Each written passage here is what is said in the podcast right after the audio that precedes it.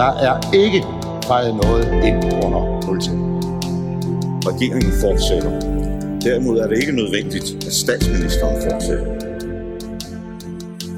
Der er ikke noget at komme efter. Per Helle, pas rigtig godt på dem. De er kun til låns. Fordi sådan er det jo. Ja, jeg kan bare sige, at der kommer en god løsning i morgen. Velkommen til Ministertid, programmet, hvor en forhenværende minister interviewer en anden forhenværende minister. Mit navn er Simon Emil Amitsbøl Bille. Jeg er tidligere økonomi- og indrigsminister, men det skal ikke handle om mig. Det skal derimod handle om dig, Flemming Kofod Svendsen. Velkommen til. Tak for det. Hvad betød det for et lille parti som Kristi Folkeparti, at I kom ind og kunne være med i regeringen i et par omgange? Det betød, at vi fik mulighed for at præge hele regeringens politik. Det, der er vigtigt at trække frem her, det er som repræsentant for et lille parti, fik man ikke alene sit ministerium, men jeg har siddet i koordinationsudvalget, hvor der sad få fra de store partier, så der var et lille parti forholdsvis stærkt repræsenteret. Flemming Kofod Svendsen, boligminister 1987-88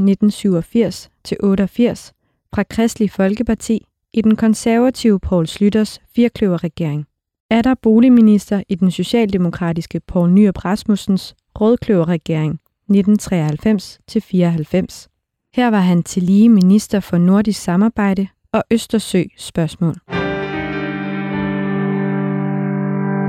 Da Socialdemokraten Anker Jørgensen overlader magten til de borgerlige i efteråret 1982, og Danmark får sin første firepartiregering i fredstid, den såkaldte firkløverregering, under ledelse af den konservative statsminister Poul Slytter, med deltagelse af de konservative Folkeparti, Venstre, CD og Kristi Folkeparti, det de fleste i dag kender under navnet Kristendemokraterne, der får Kristi Folkeparti kun én enkelt ministerpost, der gik til den mangeårige formand for partiets folketingsgruppe, Christian Christensen.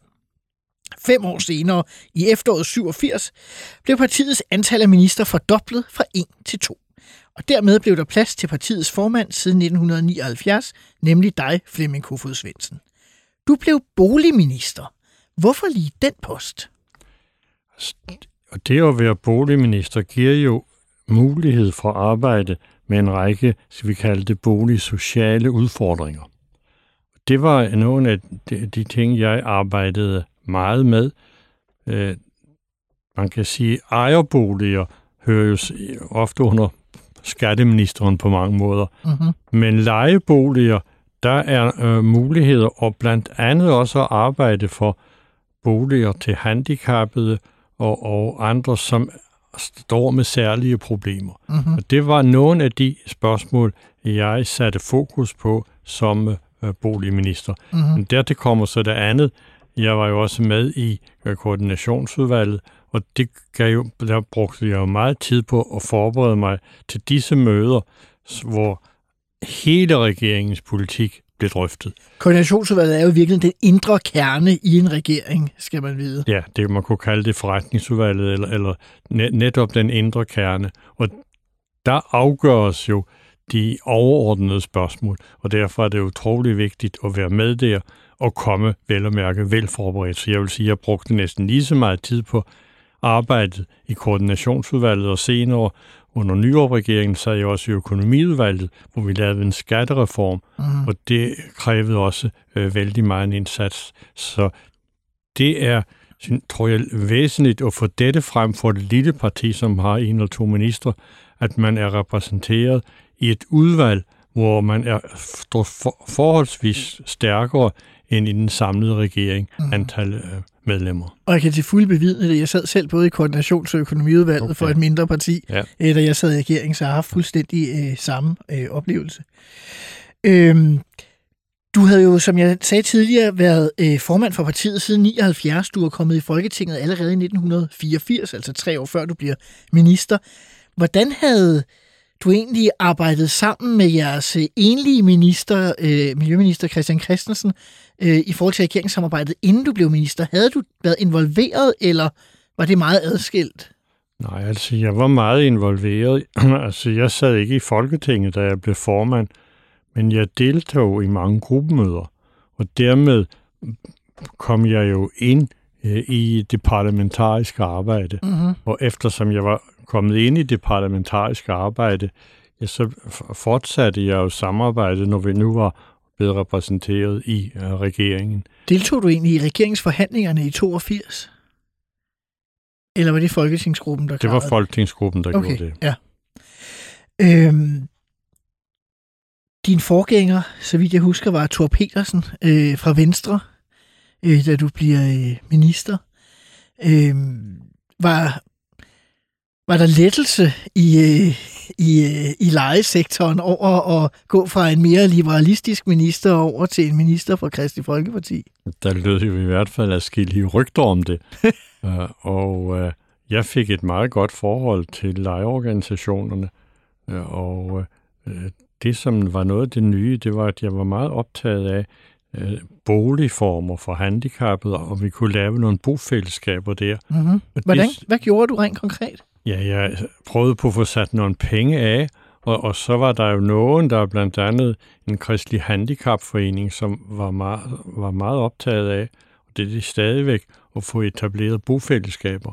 Og det er klart, en, en sådan organisation, som brænder for, at handicappet, det kan være mentalt handicappet eller fysisk handicappet, øh, som ofte er meget, meget dårligt stillet i, i Danmark, at øh, de får mulighed for at komme ind i et fællesskab. Så der fik jeg etableret nogle fællesskaber og fik ligesom gjort dem synlige, mm-hmm. hvor jeg, der nok ikke havde været så mange boligministre, der tidligere havde været optaget. Altså det, det var sådan en del af det, jeg vil kalde min boligsociale indsats som boligminister. Mm-hmm. Du nævner så flere gange det her med, at øh, det også var væsentligt, at du sad i, i koordinationsudvalget, og du havde indflydelse i virkeligheden på hele politikken. Mm. Det er jo dybest set de små partier ofte siger også, når de kommer i regering, at så får man indflydelse på det hele, i stedet mm. for kun på enkelte områder, hvor man kan få en indrømmelse hister her, når man kun sidder i, øh, i Folketinget. Øhm, hvordan fungerer samarbejdet? Hvordan oplevede du Slytter som statsminister? Altså Slytter havde en evne til at inddrage alle fire partier. Det kom så til et brud. Det var der så andre grunde til. Det kommer vi tilbage til. Det kommer vi tilbage til. Men jeg oplevede Slytter som øh, en, der øh, var statsminister for alle fire partier, og ikke bare for sit eget parti. Mm-hmm. Så på den måde var, var han åben, og jeg har haft mange personlige øh, samtaler med, med Slytter gennem de år, hvor jeg selv var minister, og, og han var lydhør for at, at huske, hvis jeg havde lagt op med, der er altså en ting, jeg vil, jeg er noget optaget her, som, som betyder noget for mit parti. Og jeg så rejste øh, det på et øh, møde, enten i koordinationsudvalget eller senere i regeringen, så følte jeg altid, at øh, Slytter var lyttende. Uh-huh. Han var ikke optaget af at trumle de små partier ned eller sådan. Så jeg, jeg synes, han var en øh, samlende statsminister. Det var vel også derfor, at han sad som statsminister øh, så længe. Uh-huh. Han havde han havde jo politisk tæft, den mand.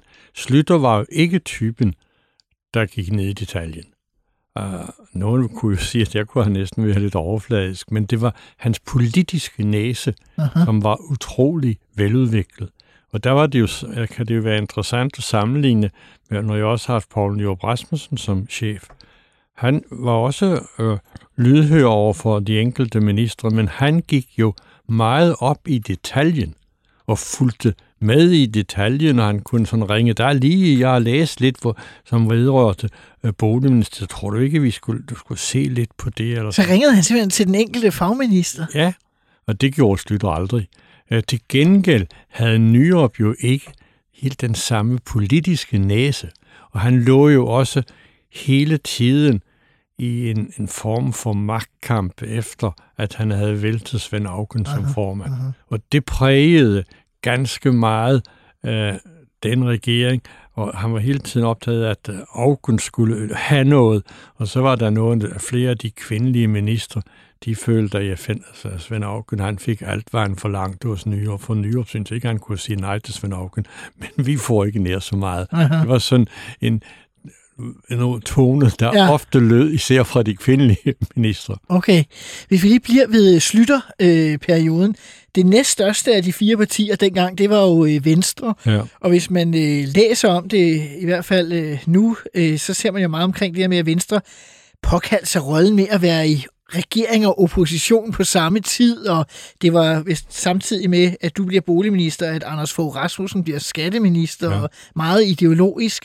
Øh, hvordan var Venstres forhold egentlig til, til jer? Altså, Altså, jeg blev minister sammen med Anders. Vi var faktisk, vi kørte i bil sammen til, til dronningen. Og, og Altså, også fra, på bagsædet af den samme ministerbil? Ja, ja. Aha. Så, så jeg, så jeg husker udmærket Anders Fogh, som jeg altid har haft et meget godt forhold til. Og øh, jeg følte ikke, øh, at øh, det var Ellemann, der var formand, men, men Anders Fogh var jo øh, en central person. Anders Fogh har jo, har jo altid været en, en dygtig person Mhm. og, og flittig. Jo.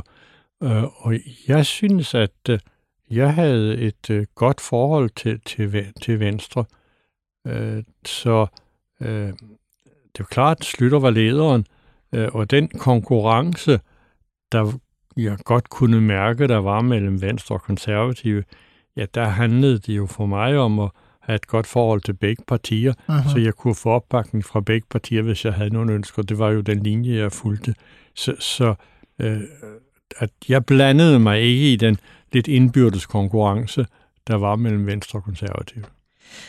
Jeg er også nødt til at spørge, fordi i flere nyere værker om dansk politik øh, i 1980'erne fremføres den påstand, at I i Kristi Folkeparti faktisk måske helt tilbage til 84 havde prøvet at få en ekstra ministerpost, og at Poul Slytter senest i forbindelse med en større rokade i 86 faktisk tilbød din partifælle Christian Christensen, at Kristi Folkeparti kunne få en ekstra øh, post til dig. Men at han ligesom ikke var så interesseret i at få flere ministre end sig selv fra Kristi Folkeparti. Er det en historie, du kan genkende?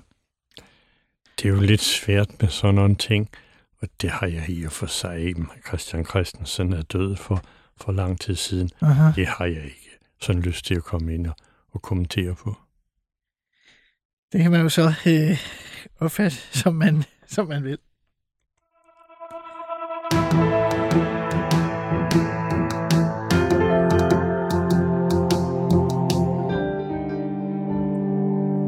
Kun otte måneder efter du bliver minister, Flemming Kofod Svendsen, udskriver Poul Slytter det såkaldte atomvalg. Efter lange forhandlinger med ikke mindre end fire dronningerunder, bliver firkløverregeringen afløst af en KVR-regering.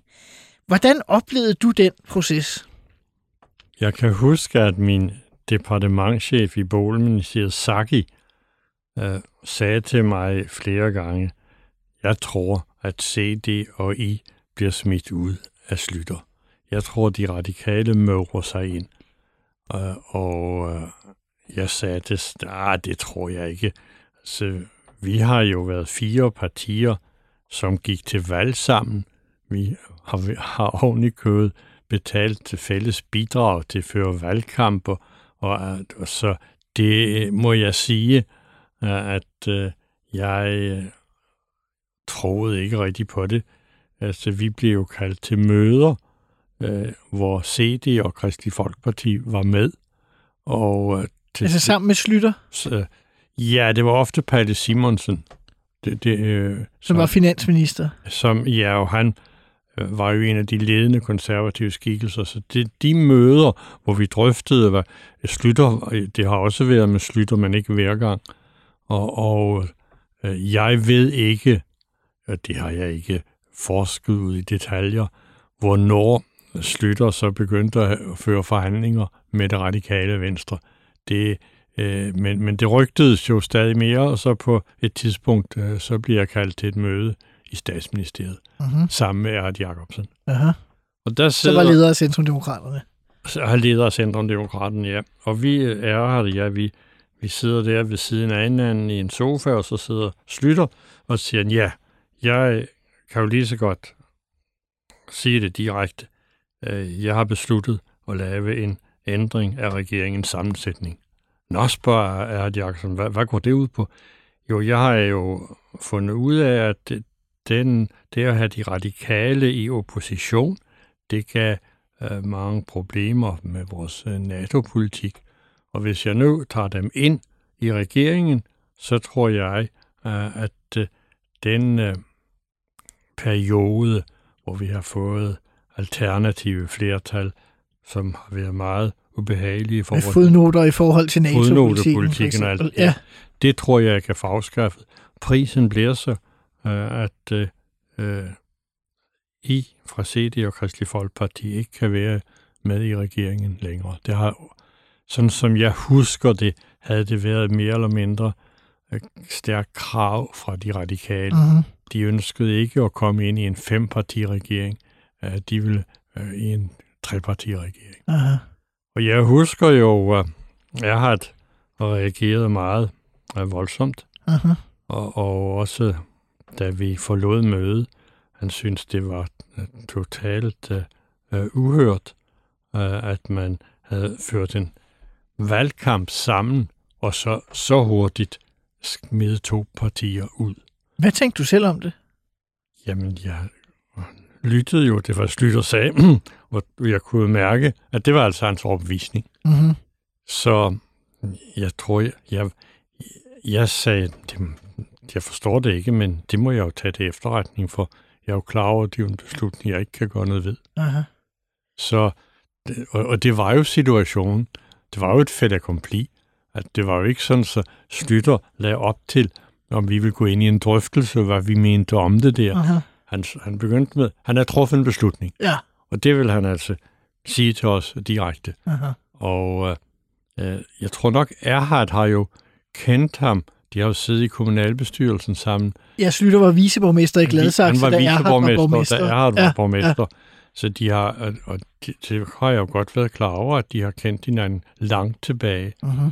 Og øh, øh, Erhard Jacobsen var, var dybt skuffet. Han synes det var totalt øh, utilstedeligt, og også han brugte stærke ord, da vi, da vi gik fra de møde. Mhm. Og øh, altså min holdning var lidt, i politik må man jo konstatere, at man bliver stillet over for nogle fedt accomplir, og dem kan man jo ikke rigtig gøre noget ved. Så du tænkte, der var ikke så meget at gøre, når nu ikke man kunne gøre noget, så var der ingen grund til at hisse unødigt op Ja. over det i virkeligheden. Det var, Og man kan jo også se, at jeg har været tilbage og bladret i gamle aviser, og man kan se, at CD, både med Erhard og i øvrigt Mimi Jakobsen, mm. De udtaler sig med utrolig stor bitterhed om. Mm. at CD og Christi Folkeparti med deres ord blev smidt ud mm, af regeringen. Øh, der bliver dog også talt om sådan noget med, at man så fremadrettet kunne danne flertal udenom regeringen. Og jeg har fundet artikler, hvor at, øh, du faktisk er citeret for blåde at tale om socialpolitik, udlændingepolitik og udviklingsbistand som steder, hvor Kristi Folkeparti kunne finde på at gå udenom en KVR-regering, hvis. Mm. hvis muligheden var der. Øh, var det... Øh, altså, var det sådan, fordi at nu var I alligevel også lidt fornærmet over at blive smidt ud, eller var der en, en Nå, realistisk altså- chance, I så øh, for at få gennemført jeg nogle har af jeres sager? lagt vægt på at være realpolitiker, Mhm. og, det, og der, det handler jo om, hvad er muligt i den nye situation. Og her var jo nogle områder, og jeg mener også, at vi fik noget gennemført på nogle områder. Øh, For os har det jo altid været en, en mærkesag med en aktiv og, og progressiv ulandspolitik. Øh, Og, og øh, det var jo ikke lige det, som øh, Venstre og Konservative brændte meget for at få ulandsbidrag op på 1% af bruttonationalproduktet. Mhm. Og så, så det tænkte jeg, nøj, jamen, øh, uden for regeringen med, med det flertal, øh, så ville det måske være lettere, eller være et, af- et af de områder, hvor Mhm. man kunne opnå noget, så handler det jo om at bruge det. Ja, ja. Altså, det, man skal jo ikke græde over spildt mælk at øh, Slytter havde truffet sin øh, beslutning, og, og hvad gør vi så? Øh, men vi, samarbejdede naturligvis også med den regering, vi er blevet smidt ud af, men det betød jo ikke, at vi ikke kunne lave flertal. Det kunne vi selvfølgelig, vi stod jo frit. Så nu kan man sige, at han tog de radikale ind, for de ikke skulle lave alternativ flertal, og i virkeligheden lavede han en situation, hvor CD og Kristi Folkeparti så kunne lave et alternativ flertal en gang imellem, men måske sjældnere end de radikale havde gjort. Altså, med de radikale, der blev det jo en bevidst linje med denne fodnotepolitik. Aha, I forhold til NATO, men også ja. På miljø, kultur og andre steder. Jo, altså, men hvis det, ulandsbistanden blev sat lidt op, øh, det faldt regeringen jo ikke på. Altså, det var jo ikke, om, det kunne måske dreje sig om nogle hundrede millioner, og der kunne også være nogle ting øh, på kulturpolitikken eller til private øh, organisationer. Det var jeg meget optaget af. Det, altså frivillige organisationer? Frivillige, ja, frivillige organisationer, idebetonede organisationer. Og der kunne man nogle gange få lidt ekstra beløb til, til nogle af dem. Men flertal af den type havde jo slet ikke samme betydning som fodnotepolitikken. Det er klart. Øhm, hvis man øh, ser videre på, hvordan øh, perioden bliver beskrevet i dag, så er der også flere steder, der står, at øh, efter valget i 1990, hvor de radikale så får et virkelig dårligt valg og ryger, øh, altså trækker sig selv ud af regeringen, mm. fordi de får øh, deres dårligste procentuelle andel øh, i Danmarks historien. Øh, at Slytter der tilbyder at se de her kristelige og komme tilbage igen. Har du nogen, øh, er det noget, du kan erindre? Ja, jeg kan huske, at øh, der var en forhandling. Øh, jeg ved, det øh, står mig faktisk stadigvæk ikke helt klart, øh, hvor, hvor seriøst øh, det var. Uh-huh. Altså det, øh, og, og jeg, sådan som jeg også husker det, så var der meget, meget lidt interesse hos CD for uh-huh. den tanke. Uh-huh. I kunne godt have været interesseret. Se, det var en ny mulighed, øh, Øh, som øh, jeg ikke ville afvise. Men øh, jeg var jo samtidig optaget af, hvor seriøs Slytter var, og da det så gik op for mig, at det havde CD ikke lyst til, det, det var som om, det at man var blevet smidt ud i 88, det, det stadig prægede dem noget. Og, og da de ikke var en, ikke interesseret, og jeg ikke vidste sådan helt, hvor alvorligt øh, det var fra Slytters side, så øh, det, jeg tror ikke, at der vil komme noget, komme noget af det. Lad os prøve at skrue tiden øh, lidt tilbage igen. Øh, du er lige blevet minister efter valget i 87, og det er meget berømt, at I på det allerførste ministermøde efter valget diskuterede familiesamføring og udlændingepolitik. Øh, kan du huske det? Jeg kan godt huske, at vi har, har drøftet det og, og flere gange.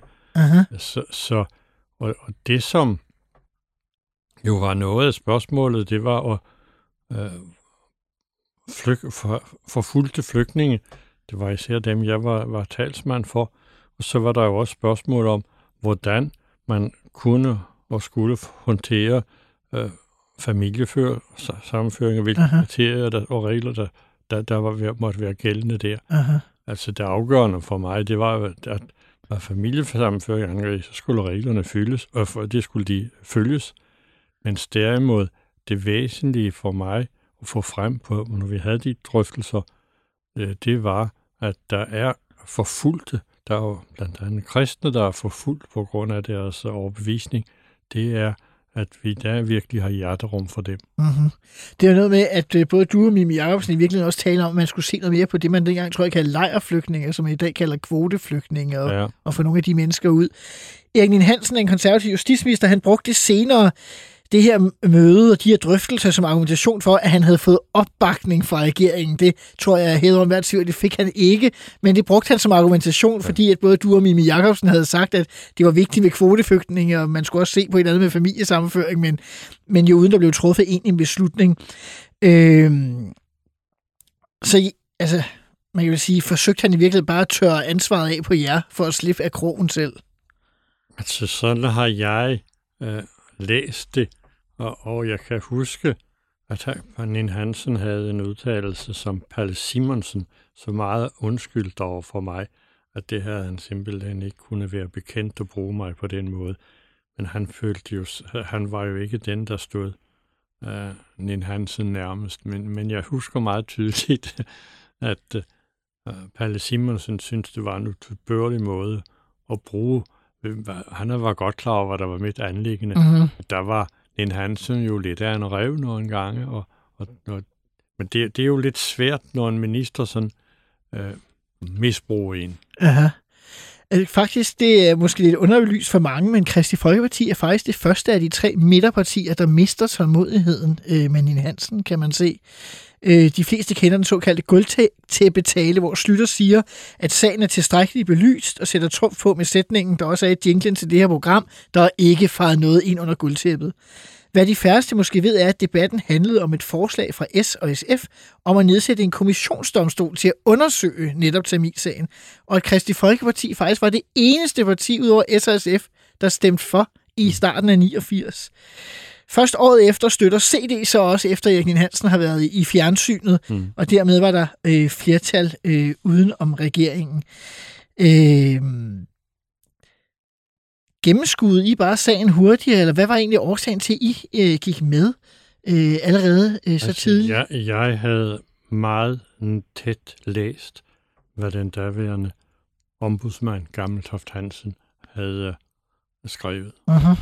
Og øh, jeg kendte Gammeltoft Hansen godt og bad om, han ikke kunne forklare mig, hvad det var, at han kaldte yderst kritisabelt. Uh-huh. Og da jeg for alvor, og der var jeg måske det første folketingsmedlem, der så grundigt satte mig ind i, i ombudsmands, ombudsmandens kritik. Aha. Og, fordi, og jeg læste noget mere. Jeg brugte virkelig meget tid på det. Jeg, jeg havde jo fornemmet fra regeringen, at Nina Hansen godt kunne finde på at, at tørre noget af på andre. Så vil jeg gerne til bunds i, hvad er det, han blev kritiseret for? Aha. Og der blev jeg overbevist om, at der havde ombudsmanden kommet med en rigtig kritik. Aha. Og det var baggrunden. Så der lå grundige studier bag, at, at vi var de første, der gik øh, ind og ønskede en, en undersøgelse. Og der er så gået et år til, og den her berømte tv-udsendelse, hvor Erik Hansen siger, at CD og Kristi Folkeparti ligesom havde accepteret det, så kommer CD også med ja. på holdet. Øh, der bliver nedsat en undersøgelseskommission. Tamil-rapporten kommer i januar 93. Hvordan oplevede du den dag, da Tamil-rapporten kommer? Jeg må jo sige, at øh, jeg havde jo fuldt sagen under hele øh, den periode, hvor rapporten blev udarbejdet. Så jeg var faktisk ikke så overrasket. Mm-hmm. Det, det må jeg sige. Det, det var hvad, øh, netop fordi jeg havde, den sag havde jeg sådan ja, virkelig styr på. Ja. Så var det ikke overraskende for mig. Nej, nej. Det må jeg bare sige. Og det er noget med, at øh, du øh, måske sammen med repræsentanter for Centrumdemokraterne bliver kaldt op til møde på sly, hos øh, Slytter, eller hos de konservative i hvert fald øh, samme dag, for at høre, om I kan bakke op om finansminister Henning Christoffersen som øh, ny statsminister. Jeg var til et møde, ja. Nu, nu er det jo svært, at, at, for man var jo til, i den periode til mange møder. Aha. Øh, Dyremose var, var jo også på tale. Ja, lige præcis. Så, så øh, men jeg kan godt genkende det andet, men, men øh, jeg har ikke siddet og, og til den, denne her samtale og kigget i, i gamle referater og gamle papirer. Jeg har haft Marianne Hjelved i studiet, hun siger, hun blev inviteret op til et møde sammen med, med dig, og jeg kan ikke huske, måske Mimi Jakobsen, ja. Øh, vil jeg gætte på, ja. og hvor at de ligesom, øh, de konservative indgød til, at der skulle være en regering under Henning Dyrmose, og ja. at hun sagde, at det kunne hun i hvert fald ikke være med til. Nej. Men det var, du sagde Henning Kristoffersen før jo. Nej, det var en fejl. Det var Henning Dyrmose. Nå, okay. Jeg for, ja, ja, ja, for ja. Det, det, var det. Ja, Henning, det kan jeg tydeligt huske, når ja. du sagde Henning Kristoffersen. Nå, undskyld. Så, så tænkte jeg, at det har der måske også været. Det, det stod ikke så klamt. Men Dyrmose, det kan jeg godt huske. Ja, ja. Men, øh, og I var parat til at pege på Dyrmose på ja. det tidspunkt. Ja. Men sådan skal det ikke gå, for ved dronningrunden er der ikke flertal for Dyrmose, der er flertal for Poul Nyrup Rasmussen, fordi de radikale peger på ham sammen med S og SF. Ja. Det ender med øh, det, man senere kalder øh, lidt folkeligt for rødkløverregeringen, den seneste flertalsregering i Danmark, bestående af S, R, CD og Kristi Folkeparti. I var altid kendt som et borgerligt parti. Hvilke overvejelser gjorde jeg inden om, at I nu gik ind i en socialdemokratisk ledet regering? Det er rigtigt, at vi har altid været et borgerligt parti, men med en, en stærk social øh, profil, mm-hmm. og også øh, Jens Møller, som var formand før mig, talte jo også ofte om et samarbejde hen over midten. Uh-huh. Så dette at gå ind i en socialdemokratisk ledet regering, var der især nogen i partiet, som lagde meget vægt på, når vi nu havde været i en firkløverregering, ledet af en konservativ statsminister, så burde vi også som et midterparti, hvis ellers der kunne laves et øh, for os tilfredsstillende regeringsgrundlag, så burde vi også øh, gå ind i den. Så var det jo heller ikke en ren socialdemokratisk regering. Øh, vi havde jo været i regering sammen med CD øh, under Slytter, uh-huh. så, så der, det var jo så, CD var jo også med. Det spillede også en rolle, at, at det, det, ikke, det ikke var en regering bestående af Socialdemokratiet og, og Kristi Folkeparti alene, men at der var større bredde.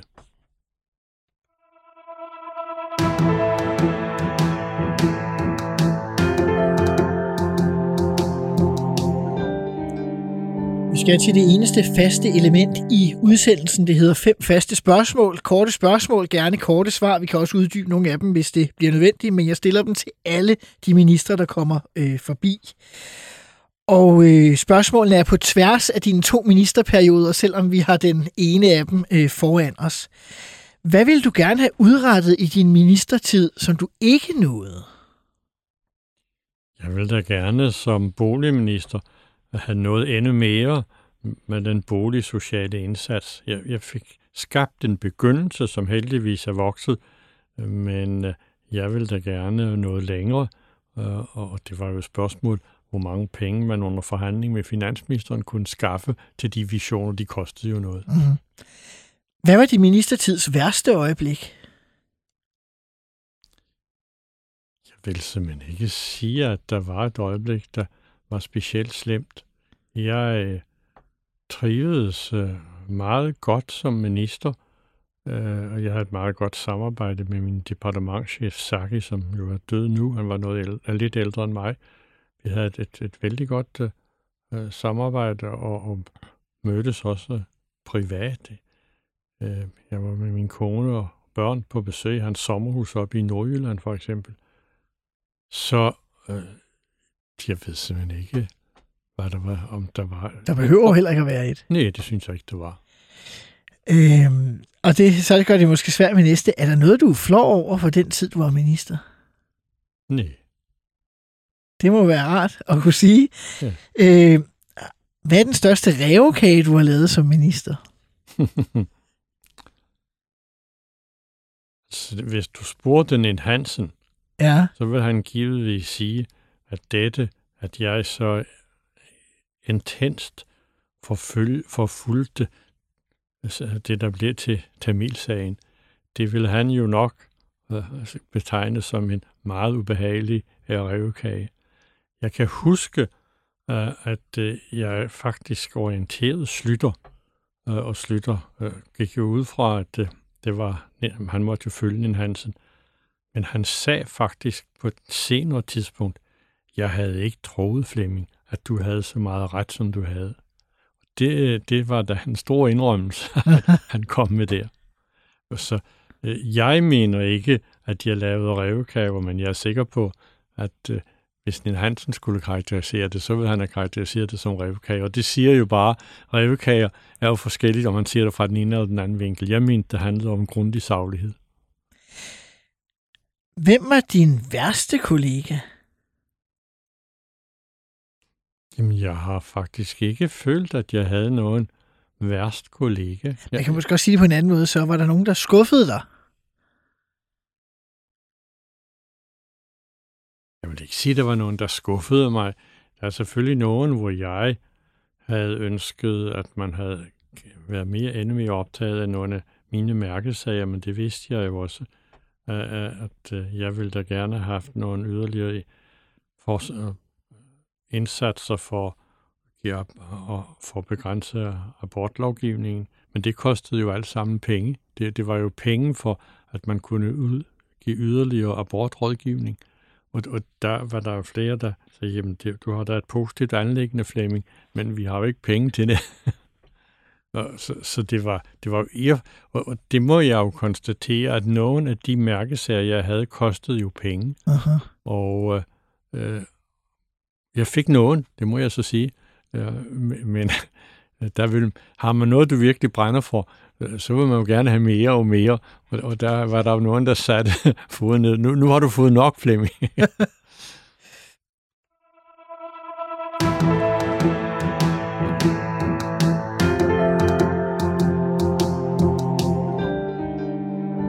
Vi skal tilbage til dannelsen af Poul Nyrup Rasmussens første regering i 1993. Du var gået af som formand for partiet øh, nogle år forinden, men var fortsat som parlamentarisk leder, da din afløser som partiformand Jens Jursen øh, ikke sad i Folketinget.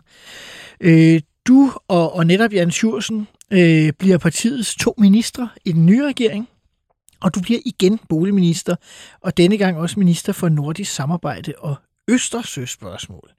Hvad var det med de der Østersøspørgsmål? Jamen, vi er jo på den anden side af 89. Murens fald. Af murens fald, ja. Aha. Og der handlede det jo om at inddrage samarbejdet med de lande, der lå rundt om Østersøen. Aha. Og jeg havde nogle samtaler med uh, Uffe Ellemann, som jo var meget optaget af at udbygge samarbejde til de baltiske lande. Og som på Danmarks vegne anerkendt de baltiske landes selvstændighed som Netop. de første, da han var udenrigsminister. Ja. Øh, så, øh, ja, da jeg blev tilbudt det, så, så tænkte jeg på, ham, du må straks få en snak med, med Uffe Ellemann, Aha. som jeg altid har haft et meget øh, godt forhold til og drøftet mange ting med.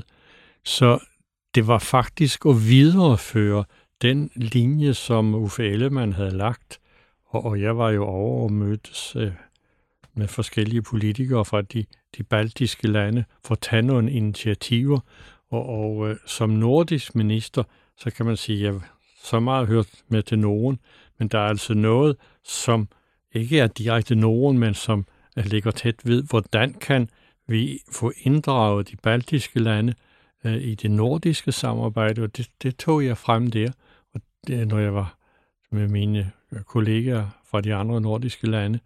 Der fik jeg lavet nogle, øh, nogle aftaler og nogle øh, initiativer for, at de blev mere integreret. Man må hele tiden huske på, de havde jo en fortid.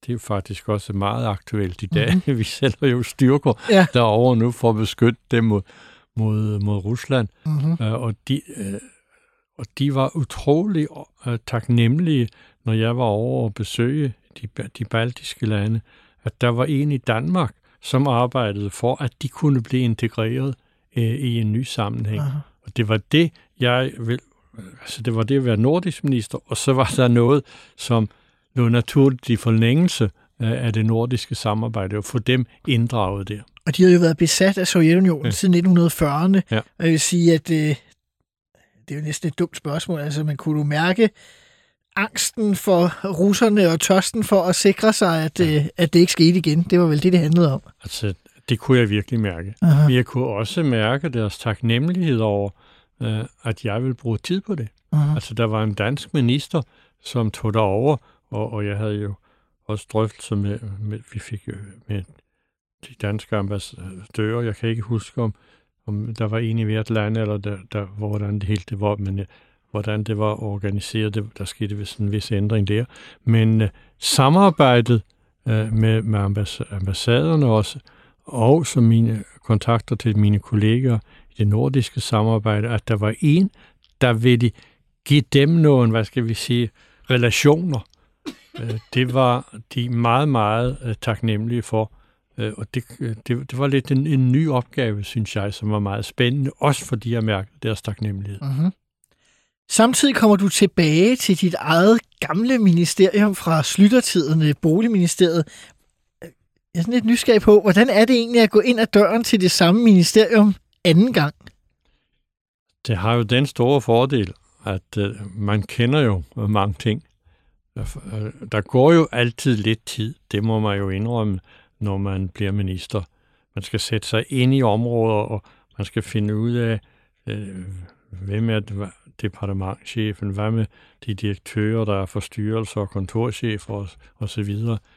Jeg kan huske, en kontorchef sagde til mig, at nu har vi haft dig et stykke tid, Flemming. Vi- Jeg håber, at det øh, øh, fortsætter, for nu har vi jo fundet ud af, hvordan du vil have det. Øh, og jeg har et par gange vist øh, et taleudkast, som enten min ministersekretær eller en kontorchef havde skrevet for mig. Jeg har vist det både til min kone og til, til nogle af mine nære bekendte, og de har jo alle sammen troet, at det var mig, der havde skrevet det. Men det, Det er en god taleskriver.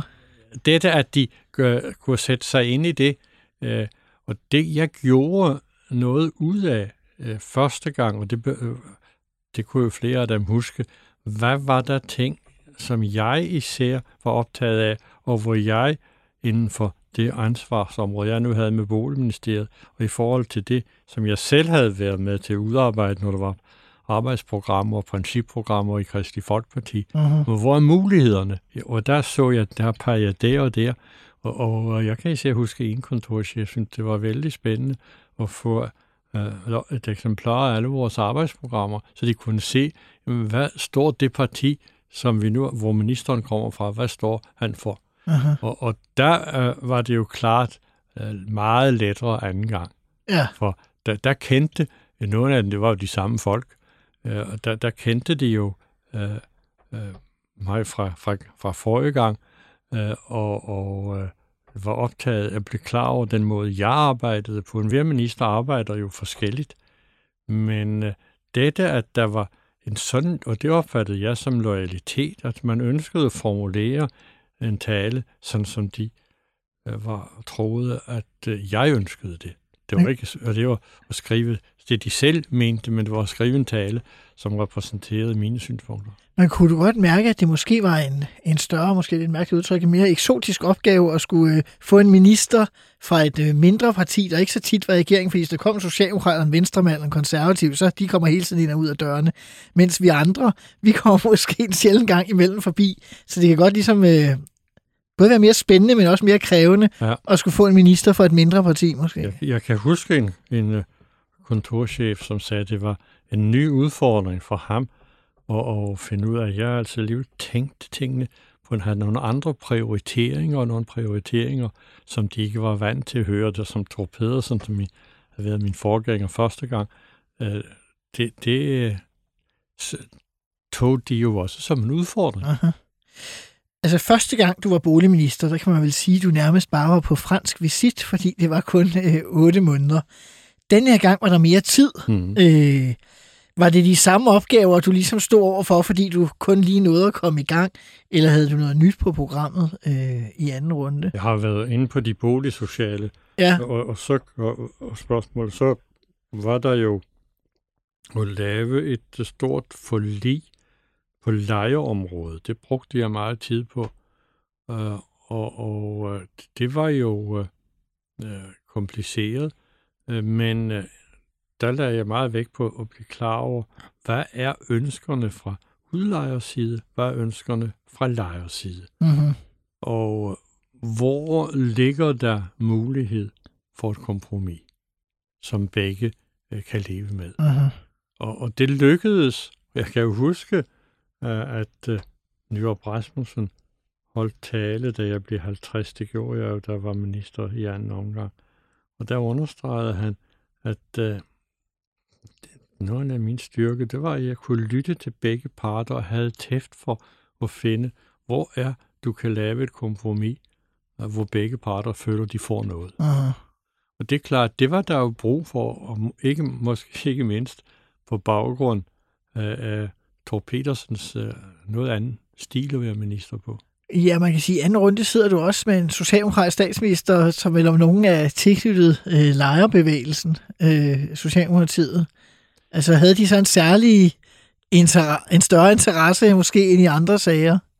Så her havde jeg for så vidt et interessant fænomen, for jeg sad i regeringens økonomiudvalg, Uh-huh. og der sad både Lykketoft og Ole Stavad.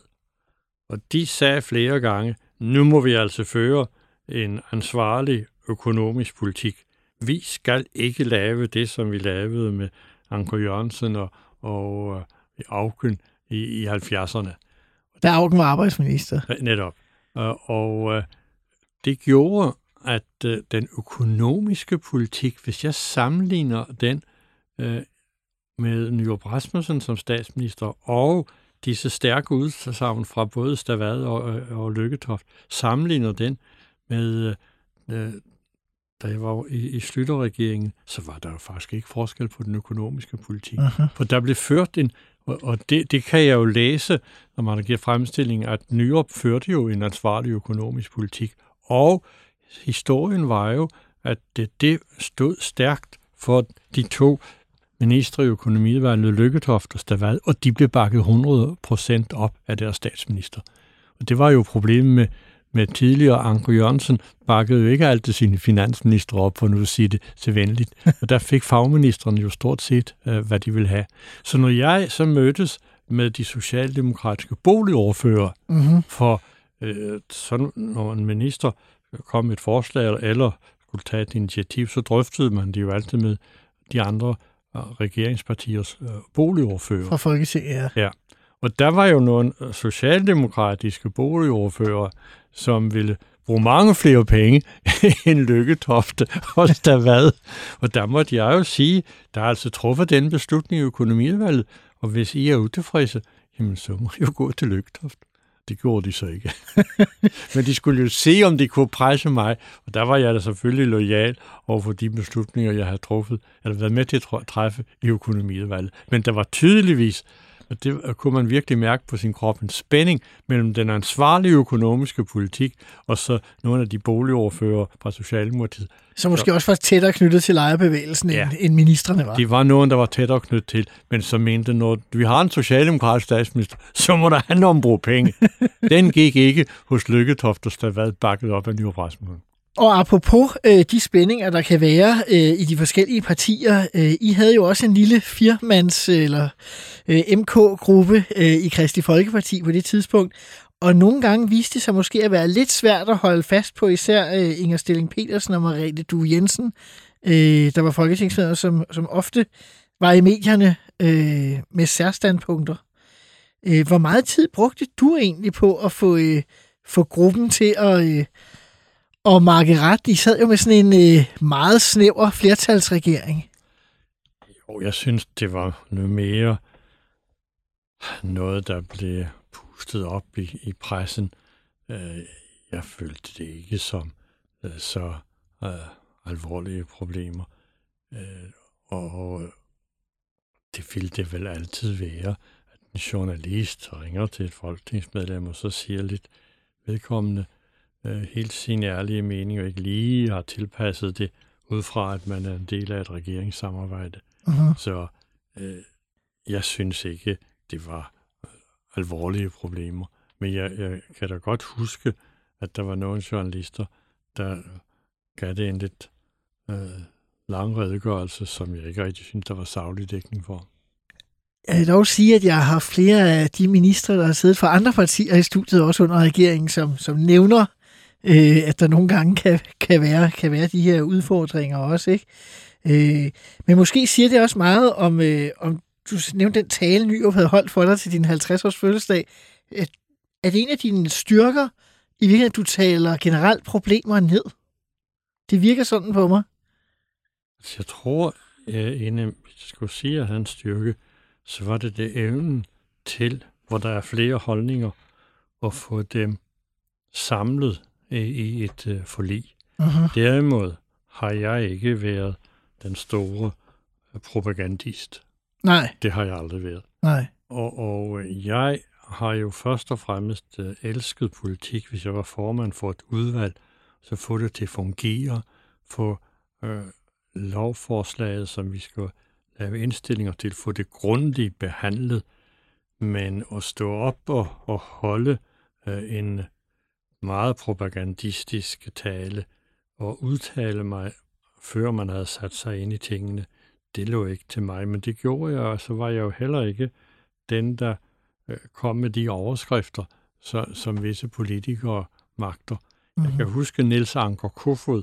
Fra Venstre, ja. Fra Venstre, og var Bornholmer, og som jo havde en gård tæt på mine forældres gård, og han øh, øh, kendte mig jo fra, jeg var stor dreng, inviterede mig også til øh, stævner i, i Venstres ungdommer, da jeg kom i Folketinget, så, så var han landbrugsminister, og der inviterede han mig ned på sit kontor, og der han bestilt det største glas mælk, man overhovedet kunne få, og for det var mælk, der var væsentligt for landbrugsministeren. Men Niels Anker Kuffer sagde engang til mig, Flemming, lad være med at sætte dig ind i alle de her rapporter osv. Hvis du ikke har læst dem, så kan du udtale dig meget mere frit. og det tror jeg, at det, det princip hyldede Niels Anker Kofod noget mere, end jeg gjorde.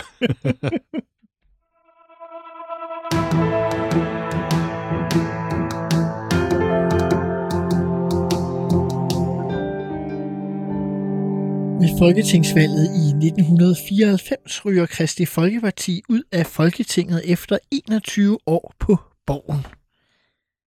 Hvad tænkte du? Jamen, har tænkt, det var så det vælgerne mente. Det må man jo tage til efterretning. Var det bittert? Det er da aldrig sjovt at, at sidde i Folketinget, og så bliver partiet smidt ud. Det, det, jeg vil ikke, ja, det, man kan bruge forskellige ord, uh-huh. men øh, det var da, var ikke det, hvor man klappede i hænderne, for at sige det sådan. Det er klart. Øh, viste det, at det var en fejl at gå med i en socialdemokratisk regering? Måske. Altså, det, det er jo meget svært at sige.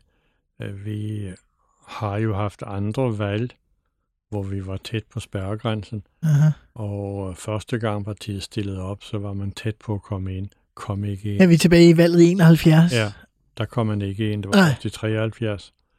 Og øh, ja, så hvis man ser nu for eksempel, øh, det er jo svært at sige.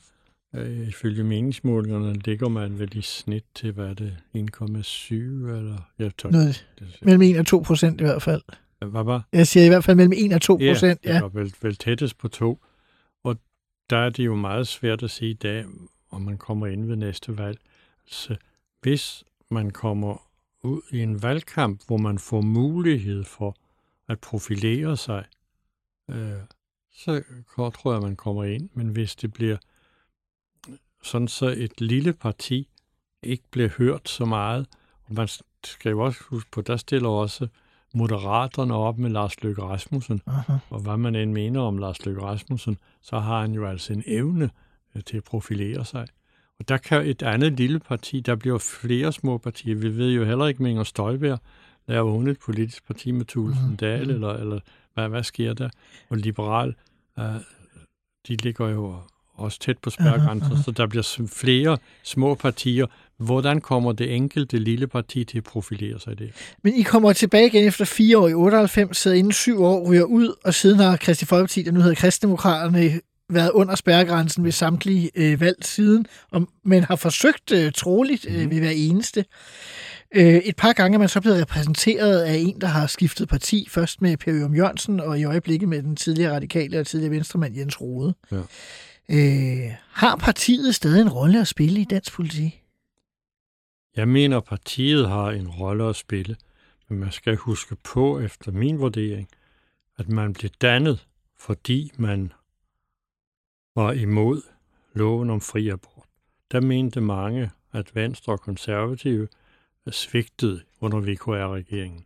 Så blev Kristelig Folkeparti dannet, Mhm. og, og øh, der mener jeg, at det er et problem, at øh, Jens Rode så markant går ud og formulerer sig som tilhænger af fri abort.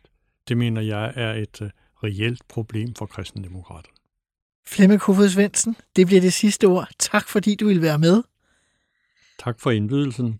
Mit navn er Simon Emil Amitsbøl Bille. Du har lyttet til Ministertid på 24 Husk, du kan lytte til alle tidligere afsnit på podcast på 24 appen eller hvor du plejer at høre podcast.